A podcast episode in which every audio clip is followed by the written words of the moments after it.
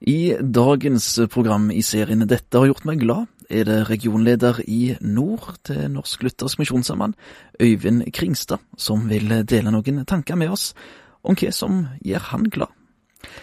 Misjonssambandet har de siste ukene vært preget av mange spørsmål etter at generalsekretær Øyvind Aasland måtte slutte. Men hvordan er det å være glad i en slik situasjon som organisasjonen han er ansatt i, er havna i?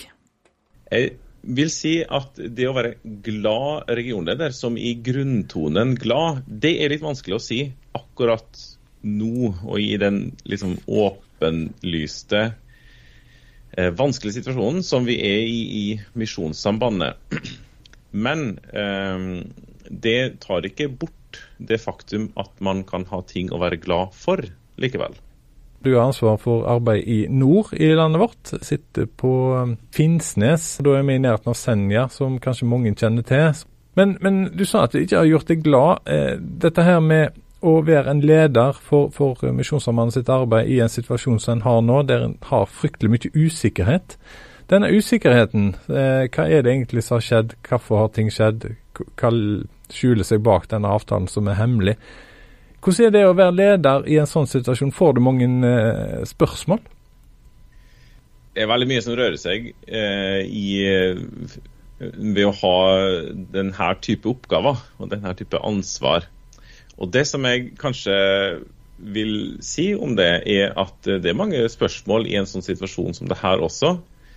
Men jeg har faktisk eh, si, lært meg å si noe om når folk eh, før og utenfor, og helt uavhengig av de her tingene som har skjedd det siste eller hatt oppmerksomhet de siste par årene, i offentligheten iallfall, eh, lært meg å svare hvordan går det i arbeidet, hvordan er det å være regionleder. Så sier jeg ja, det er litt av alt. For det vil det alltid være. Nå er det, det her har veldig mye oppmerksomhet akkurat nå. Eh, og du kan godt si at det er med negativt fortegn, men eh, sånn vil det alltid være i en sånn type ansvarsområde. Man vet om veldig mye som går veldig bra, og det er utrolig flott å glede seg over. Og så vet man om en god del ting som ikke går bra, og som man klør seg i hodet på hvordan man skal håndtere. Og det, Sånn er det bare. Eh, sånn vil det nok være videre også. Vi skal over til noe helt annet, for du, eh, det er noe som gjør deg glad, oppriktig glad, og det gjelder mat. ja.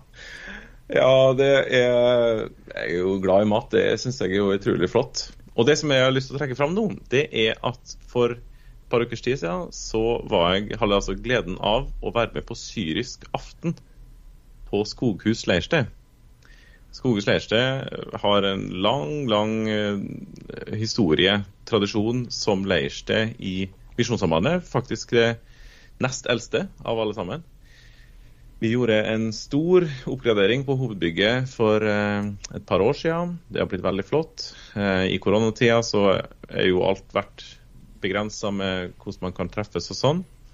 Eh, men nå er det veldig flott å merke at ting gjenger og aktivitet og sånn. Og så er det altså ei av dem som er innom der en gang i uka eller sånn, tror jeg, på en sånn type språkpraksis, som er fra Syria.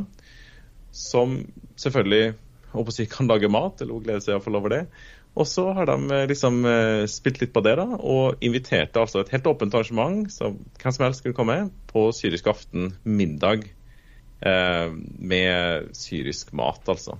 Og det var veldig velsmakende og veldig artig å se en full matsal der jeg bare kjente ja, en del av dem som var der.